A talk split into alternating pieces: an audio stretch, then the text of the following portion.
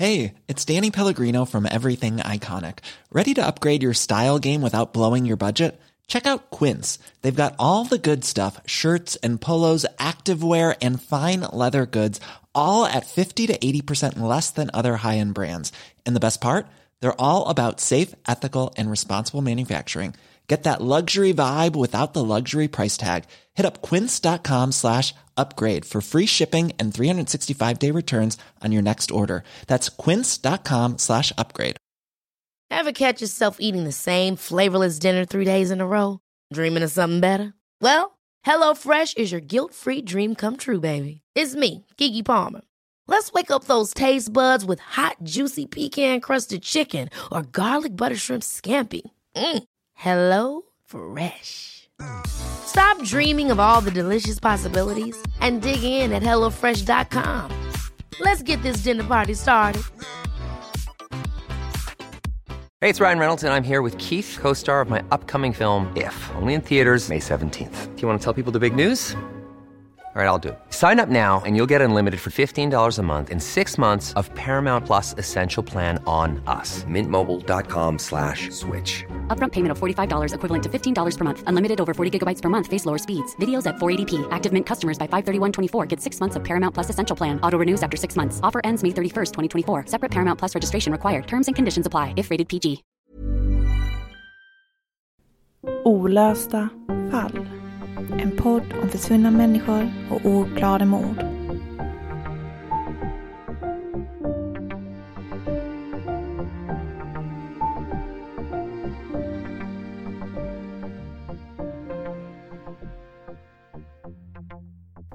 År 1994 hände det som inte fick hända. Kryssningsfartyget MS Estonia sjönk till havets botten. Katastrofen var ett faktum och av de 989 passagerarna ombord var det bara 138 som klarade sig. Men det inte många vet är att mörkrets skugga hade vilat av detta kryssningsfartyg innan. När fartyget hade ett annat namn, Viking Sally, hände något fruktansvärt på det översta däcket. Det här är en berättelse om mordet på den västtyska studenten Klaus Hermann Kjellkle och mordförsöket på hans flickvän Bettina Taxis den 27 juli 1987.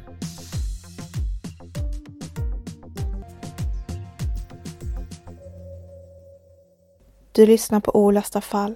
Mitt namn är Nathalie Seov. Mitt namn är Sofie Nublin.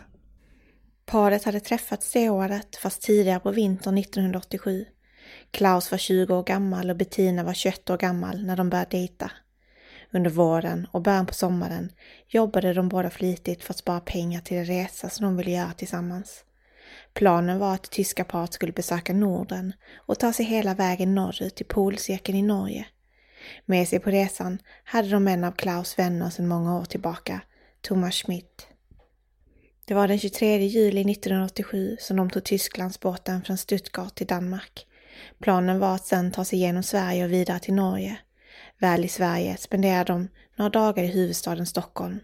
Men av någon anledning ändrades planerna här. Istället för att fortsätta norrut bestämde de sig för att åka österut till Finland. De ska skickat hem vykort och ringt hem till sina familjer innan de reste till Finland och allt indikerade på att de hade en bra resa så här långt och att allt var bra med dem. Klockan var 22.00 när de hoppade på Finlandsbåten Viking Sally från Stockholm till Åbo och de beräknades vara framme klockan åtta på morgonen nästkommande dag. Viking Sally var ett fartyg med åtta våningar som byggdes mellan 1979 och 1980 i Tyskland. Ombord fanns det plats för 2000 passagerare och över 400 bilar. Just denna kväll var det cirka 1400 passagerare ombord och många av dem, cirka 500, var scouter på väg till ett scoutläger i Finland. Klaus, Bettina och Thomas ska inledningsvis ha besökt en av butikerna ombord på fartyget och gjort några inköp. Sen ska de ha inspekterat kryssningsfartyget efter ett bekvämt ställe att sova på. De hade nämligen inte bokat någon hytt för att spara på reskassan. Klaus och Bettina ville se soluppgången och bestämde sig för att slå sig till ro och sova på fartygets övre däck på helikopterplattan. De hade med sig sovsäck och planerat bädda åt sig där vid ett vindskydd i plexiglas. Thomas valde att istället sova en trappa ner inomhus av någon anledning. Kanske för att ge paret lite eget utrymme och inte vara i vägen. Det var en varm sommarkväll och därför var Bettina och Klaus inte ensamma på övre däck den kvällen. Flera av passagerarna tog sig ut för att njuta av utsikten över Stockholms skärgård medan fartyget sakta tog sig igenom det vackra ölandskapet. Det fanns alltså vittnen som ska ha sett det unga paret i sina sovsäckar på däck, bland annat tre finska ungdomar som var på väg hem efter en festresa i Stockholm. Innan läggdags är Klaus och Bettina har gått runt på båten och Klaus ska bekantat sig med en annan passagerare, en finsk man vid namn Tauno som pratade flytande tyska. De ska ha pratat om sitt gemensamma intresse, bilar. Klaus ska nämligen ha pluggat fordonsteknik och Tauno som jobbade med att leverera bildelar från Tyskland till Finland ville visa Klaus sitt lager av bildelar som han hade med sig. Men eftersom bildäcket var låst fick de vänta till morgonen och de bestämde att mötas upp då istället. Klockan ska ha varit cirka ett på natten när Klaus och Bettina till slut återvände till sina sovsäckar på övre däck för att sova för natten. Det var nu betydligt kallare på däck, vilket resulterade i färre passagerare där ute i natten. Inne på båten var festen i full gång och många av passagerarna festade in på småtimmarna till tre fyra tiden då de sista barnen stängde på båten. Ett sällskap med danska scouter ska ha fört oväsen på båten hela kvällen och några av dem ska ha befunnit sig på helikopterplattan på övre däck klockan 3.45 när de upptäckte något märkligt. Vid båtens ventilationssystem satt två figurer som såg ut att vara antingen fulla eller drogade.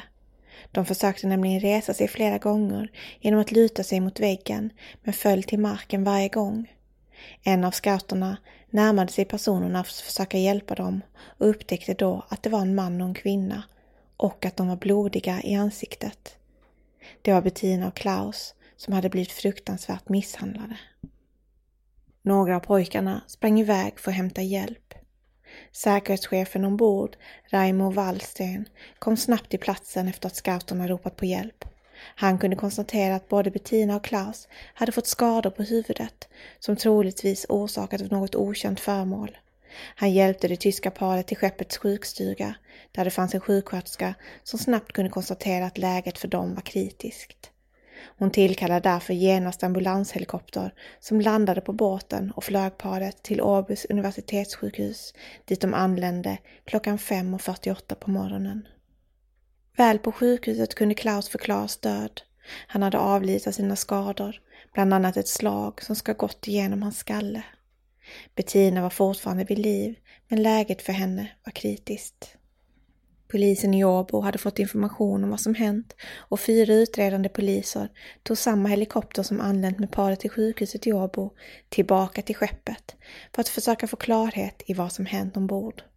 Klockan ska ha varit 6.30 på morgonen när poliserna landade på Viking Sallys helikopterplatta, alldeles intill platsen där det fruktansvärda dådet ska ägt rum några timmar tidigare.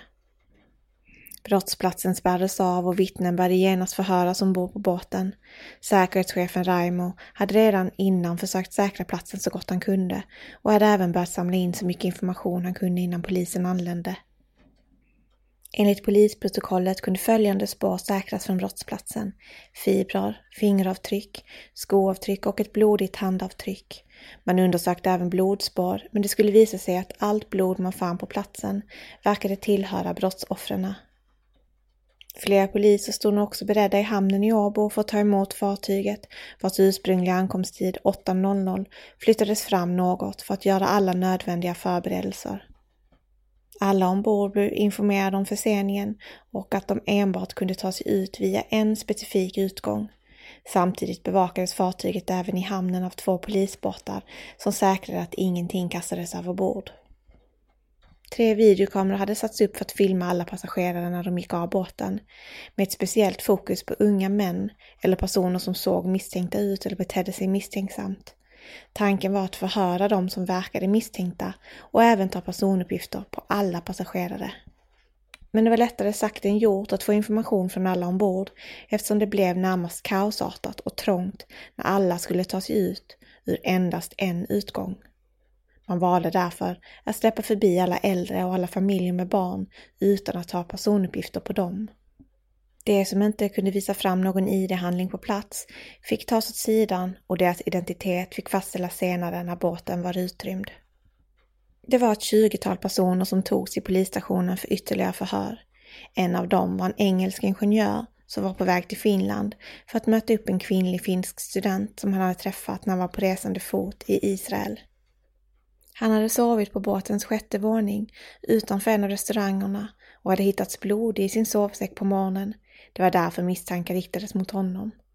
Under förhöret berättade engelsmannen att blodet var hans eget och att han hade blött näsblod under natten. Och det skulle visa sig att det inte fanns något som pekade på att han talade osanning. Blodet kom från honom. Några av de finska studenterna som ska ha sett Klaus och Bettina på däck förhördes också.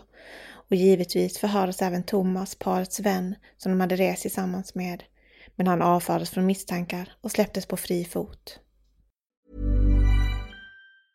Hey, I'm Ryan Reynolds. Recently, I asked Mint Mobile's legal team if big wireless companies are allowed to raise prices due to inflation. They said yes. And then when I asked if raising prices technically violates those onerous two year contracts, they said, What the f are you talking about, you insane Hollywood ass? So to recap, we're cutting the price of Mint Unlimited from $30 a month to just $15 a month. Give it a try at mintmobile.com slash switch. $45 upfront for three months plus taxes and fees. Promo rate for new customers for limited time. Unlimited more than 40 gigabytes per month. Slows. Full terms at mintmobile.com. Hey, it's Ryan Reynolds, and I'm here with Keith, co star of my upcoming film, If, only in theaters, May 17th. Do you want to tell people the big news? All right, I'll do it. Sign up now and you'll get unlimited for $15 a month in six months of Paramount Plus Essential Plan on us. Mintmobile.com slash switch. Upfront payment of $45 equivalent to $15 per month. Unlimited over 40 gigabytes per month. Face lower speeds. Videos at 480p. Active Mint customers by 531.24 get six months of Paramount Plus Essential Plan. Auto renews after six months. Offer ends May 31st, 2024. Separate Paramount Plus registration required. Terms and conditions apply if rated PG. One size fits all seems like a good idea for clothes until you try them on. Same goes for healthcare. That's why United Healthcare offers flexible, budget friendly coverage for medical, vision, dental, and more. Learn more at uh1.com.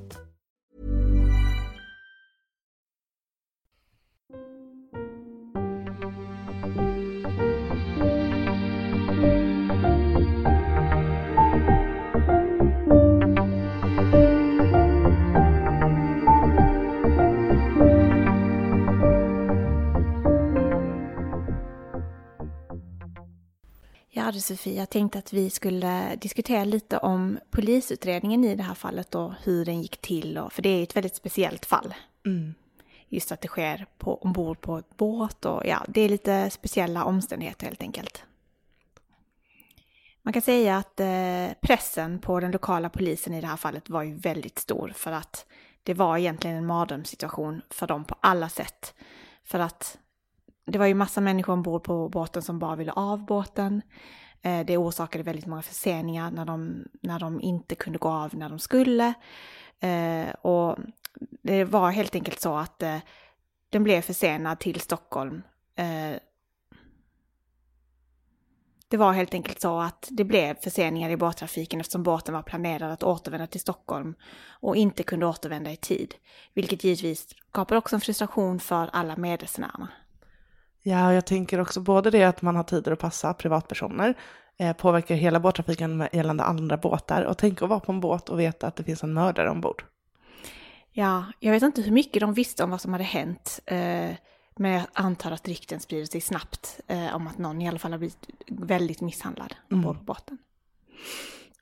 Polisen mötte också en hel del kritik eh, för att det eh, kom, uppkom en hel del trängsel ombord på båten när de skulle utrymma den. Vilket var väldigt obehagligt för många. Det blev liksom ett hårt tryck när de skulle ut från bara en utgång. Mm, jag tänker att det är lite som eh, när det har varit eh, konserter. Om det liksom trycks fram mot scenen. Eh, alla har panik, alla vill av. Ett litet, litet utrymme att ta sig ut på. Mm, jag förstår att det var en säkerhetsrisk. Ja, för det var ju så att det var bara en eh, utgång som alla skulle igenom eftersom de skulle screena alla. Så det var ju därför det blev så. Och hela den här händelsen hamnade egentligen på lokalpolisens bord på Åland. Men de hade inte riktigt resurserna som krävs för att utreda det här var ju så omfattande så de fick ta hjälp av både Åbopolisen och polisen i staden Pori för att försöka få bukt på det här. Och det skulle visa sig vara väldigt komplicerat. Eh, man hade ju inte, man lyckades inte hitta någon misstänkt person inledningsvis. Vilket gjorde att det blev väldigt svårlöst för sen om du tänker dig alla de här människorna skingras sen ska till olika delar, vissa till Finland, vissa till Sverige. Det var ju många från olika nationaliteter ombord på båten också. Mm. Det var ungefär tusen personer som förhördes under utredningen, så det var ju ändå många. Eh, och det var hela nio länder involverade, så här pratar vi om, det är mycket som ska organiseras. Eh, och över 250 spår säkrade man som skickades till teknisk analys. Så att eh, man försökte ju, men det var svårt. Det är mycket, verkligen. Men jag tänker också att en båt, det är, en väldigt eh, märklig brottsplats, för det är så mycket spår sedan innan också. Så många människor som har rört sig, alltså det måste vara så himla svårt att säkra vilka bevis som är vad. Jag bara tänk hur många fingeravtryck som finns på däck där, där detta hände. Eh, ja, så det kan inte varit lätt. Men det största mysteriet i det här fallet var ju vad kan gärningsmannen haft för motiv? Eh, det kan varken ha varit ekonomiskt eftersom det var inga av deras tillhörigheter som hade tagits. Och heller inte sexuellt eftersom ingen hade blivit sexuellt ofredad enligt polisen. Um, kan det ha rört sig om att bara vara en galen person som fick för sig att göra det här illdådet mitt i natten. Uh, och det var också lite märkligt att det inte var någon som såg eller hörde någonting när det hände. Ja, verkligen. Min spontana är att det är någon, någon som tycker illa om par. Alltså det måste finnas något personligt motiv. Jag tänker ett galet ex eller jag vet inte. För det känns som att är det bara en galning som går och hugger folk så kunde ju fler ha råkat ut. Att man liksom gör en vansinnestur genom båten. Det känns som att det finns ett personligt motiv bakom det här. Ja, vad man vet så var det i alla fall ingen de kände, alltså de var, reste ihop med en annan person som avskrevs helt från utredningen, ju vännen till eh, eh, Klaus. Men det verkar ju inte som att det var någon, någon annan de kände ombord på båten, men man vet ju inte heller om de stötte på någon de kände sen innan, men de är också en bit hemifrån. De var ju tyskar och det här var ju på Finlandsfärjan, så att det är ju lite märkligt att vilket motiv kan det egentligen finnas, och det förstår jag att polisen tyckte var ett mysterium. Mm. Men det finns en omfattande artikel om det här fallet på en hemsida som heter forensic.app eh, som skrevs 2018. Och där listas följande punkter som försvårade polisens arbete med att lösa fallet som jag tänkte jag bara skulle läsa upp för det är väldigt intressant. Mm, jättegärna.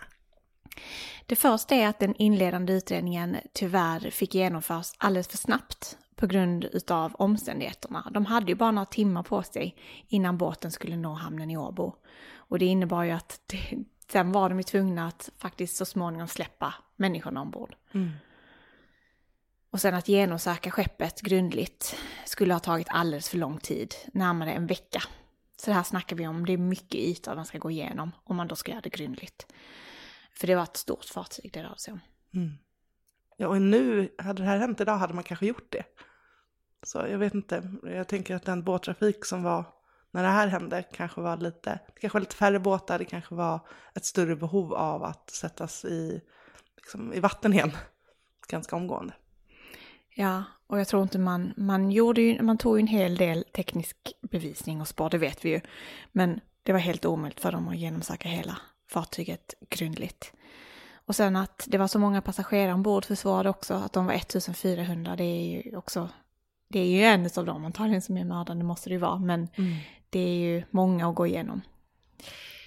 Och sen så fort då passagerarna gick av båten så var det svårt att få tag på dem i efterhand också, för att Eh, om man då ville förhöra dem ytterligare. För som sagt så kunde de då vara hemmahörande någon helt annanstans. Och då är det svårt att få, dem, få kontakt med dem helt enkelt, även om man vet vem de är. Mm. Och sen att brottet ägde rum på en så avsides plats på båten, uppe på däck, sent på natten, gjorde att det inte fanns så många vittnen då, som vi pratade om lite innan. Mm. Eh, det var inte så många som hade sett Bettina och Klaus överhuvudtaget egentligen.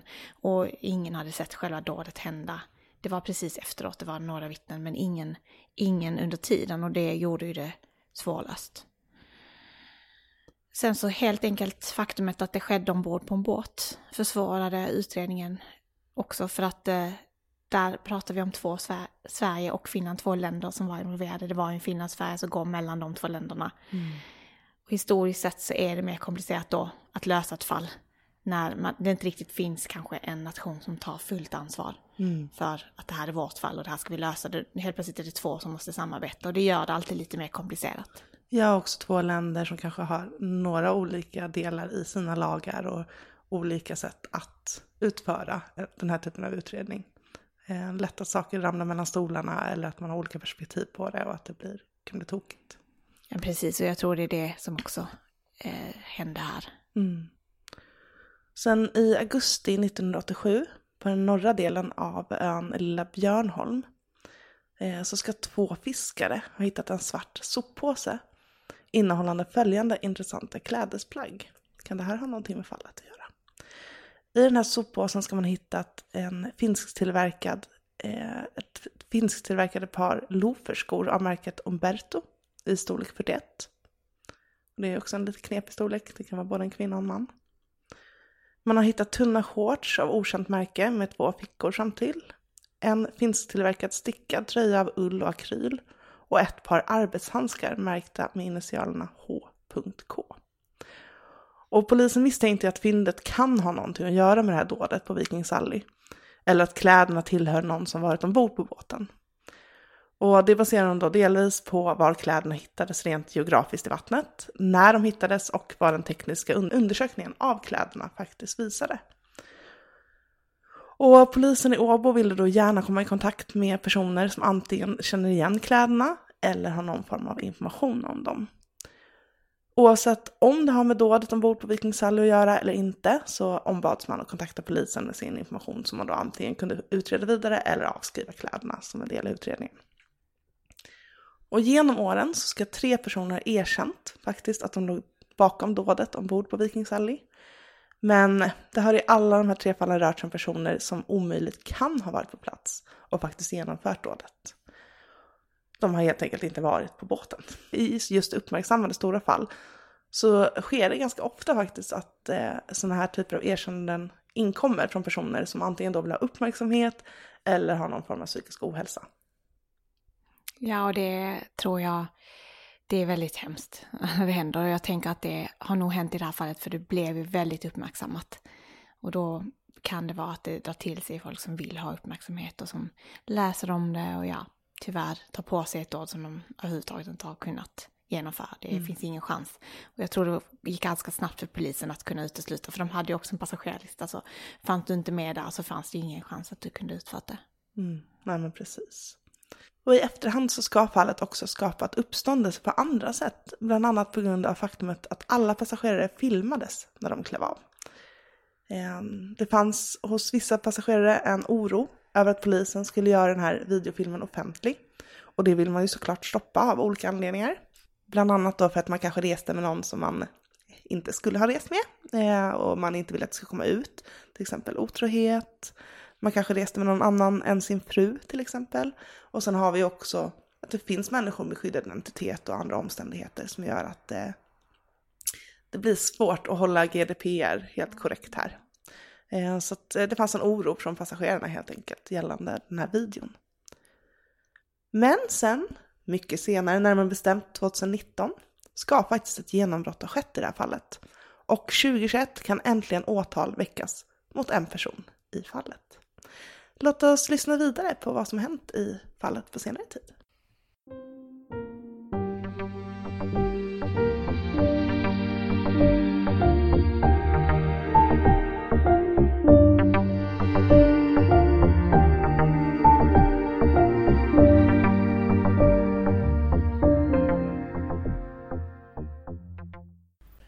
Åren gick och allmänheten blev inte klokare gällande vem det var som attackerade det tyska paret ombord på Viking Sally den där julinatten 1987. Det fanns de som trodde att gärningsmannen kanske inte längre var vid liv. Kanske han till och med tog sitt liv den natten och hoppade över bord från övre däck efter det fruktansvärda dådet. Och att det därför aldrig gick att gripa honom eller ställa honom inför rätta. Det fanns också en del intressanta personer som figurerade i utredningen, som polisen aldrig kunde få tag på i efterhand eftersom de inte bodde i varken Finland eller Sverige och blev svåra att lokalisera så fort båten nådde hamnen. Det fanns också mycket information som polisen inte kunde gå ut med eftersom det hade äventyrat utredningen. Och de hoppades in i det sista att det fortfarande en vacker dag kunde få tag på en misstänkt person. Och då är det ytterst viktigt att det finns information om dådet som inte nått allmänheten. Som bara gärningspersonen och polisen och kanske den överlevande Bettina vet om. Det enda vi vet om Bettina är att hon fick genomgå en lång operation efter dådet och sedan vistades hon i flera veckor på sjukhuset i Åbo innan hon kunde resa hem och få ytterligare vård på ett sjukhus i Tyskland. Hon ska när hon vistats på sjukhuset i Finland gjort något uttalande på tyska. Men det fanns då ingen tysktalande närvarande som kunde förstå vad det var hon sa.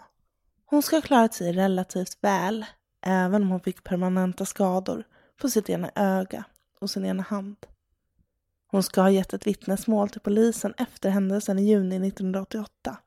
Men vittnesmålet har aldrig blivit offentligt. Det finns de som tror att fartyget Viking Sally, som senare skulle bli MS Estonia år 1993 och sjunka till havets botten 1994, faktiskt har en förbannelse över sig. Faktum är att dådet på de tyska studenterna inte var det första mordet som ägde rum ombord på skeppet. Ett år tidigare, i juli 1986, ska en 44-årig affärsman ha hittats mördad ombord på skeppet. Hans kropp hittades först när båten nått hamn. Det hela rörde sig om ett rånmord och 44-åringen ska ha knivhuggits och sedan kvävts med hjälp av sängkläder i en hytt ombord på Viking Sally. Det fallet blev dock löst och mördaren, som skulle visa sig vara yrkesrånaren Reijo Hammar, kunde till slut gripas. Långt senare, närmare bestämt år 2019, blev dådet mot det tyska paret ombord på Viking Sally återigen uppmärksammat i medierna. Polisen gick då ut med att det kan vara nära en lösning på fallet och att de tror sig veta vem den misstänkta mördaren är. Men de kunde inte gå ut med mycket information eftersom personen faktiskt inte var gripen i dåläget. Det enda de kunde uttala sig om var att det rörde sig om en man som år 2019 skulle vara mellan 45 och 90 år gammal. Det hade tidigare spekulerats i om mordvapnet hade kunnat vara en yxa som fanns ombord på båten för nödsituationer. Men det kunde polisen nu gå ut med och säga att de inte längre trodde eftersom skadorna som Bettina och Klaus fått inte stämde överens med ett sådant vapen. Polisen misstänkte istället att det aktuella mordvapnet i fallet kan ha kastats över bord i samband med dådet och att det därför aldrig har hittats. Ytterligare ett par år passerade tills äntligen åtal kunde väckas mot den misstänkte personen som polisen hade refererat till. Det rörde sig om en dansk man som år 2021 var 52 år gammal som till slut åtalades för mordet på Klaus och mordförsöket på Bettina. År 1987 var mannen som i rätten skulle komma att kallas för Herman H endast 18 år gammal och han var en av de scouter som befunnit sig ombord på båten.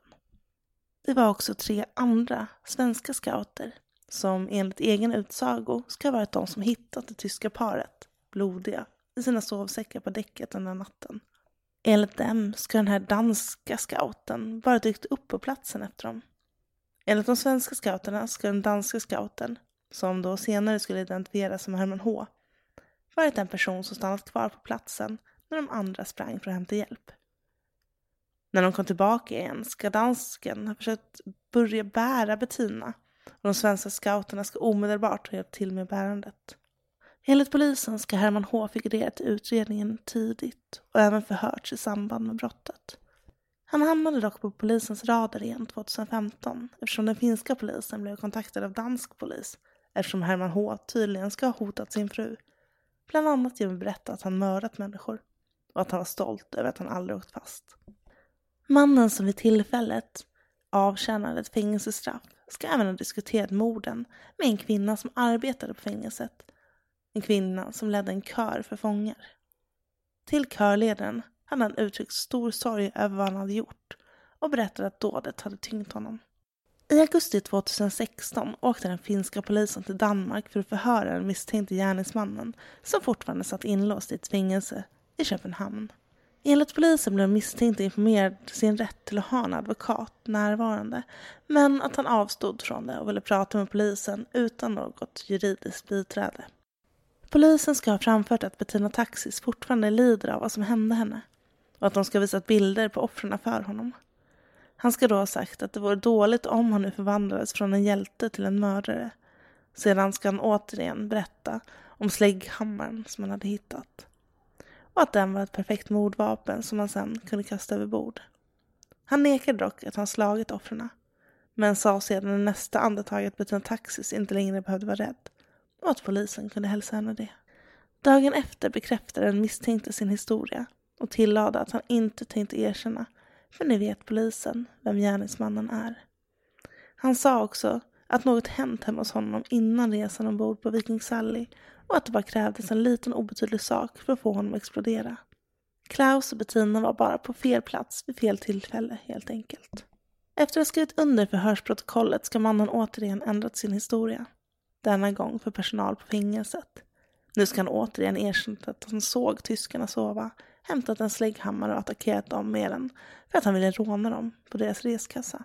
Eftersom han inte hade fått några pengar med sig på scoutresan. Precis i samma sekund som attacken var över ska de svenska pojkscouterna anlänt till platsen och Herman precis hunnit kasta bort hammaren för att sedan även han återvända till platsen. Och här blev han hjälte istället för misstänkt gärningsman. Det var nästan som att Herman lekte en katt och råtta-lek med poliserna. Först erkände han för dansk polis. Sen ville han inte riktigt erkänna för finsk polis. För att sedan återigen erkänna allt för personalen på fängelset.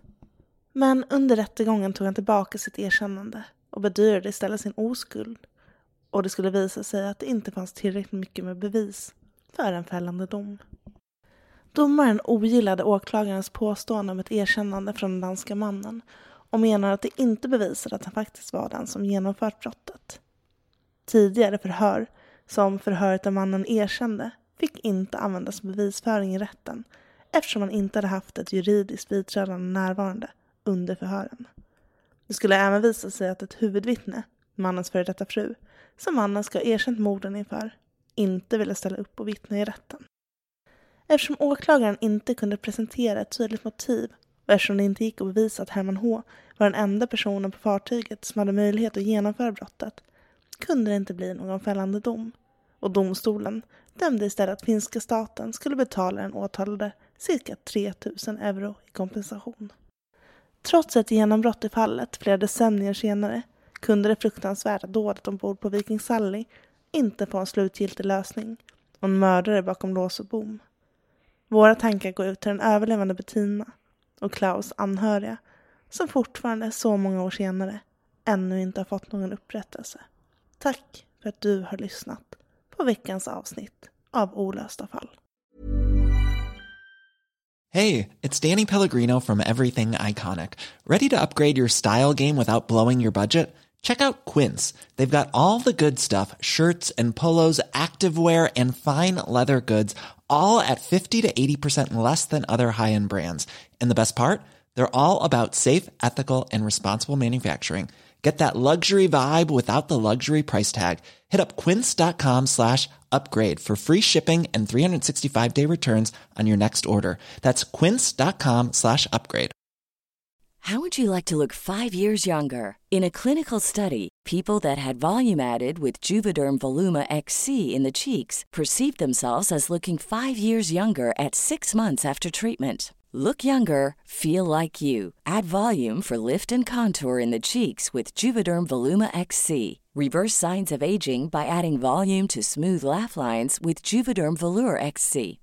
For important safety information and to find a licensed specialist, visit juvederm.com. That's J U V E D E R M.com. Not for people with severe allergic reactions, allergies to lidocaine, or the proteins used in Juvederm. Common side effects include injection site redness, swelling, pain, tenderness, firmness, lumps, bumps, bruising, discoloration, or itching. There's a risk of unintentional injection into a blood vessel, which can cause vision abnormalities, blindness, stroke, temporary scabs, or scarring. Talk to a licensed specialist to find out if it's right for you.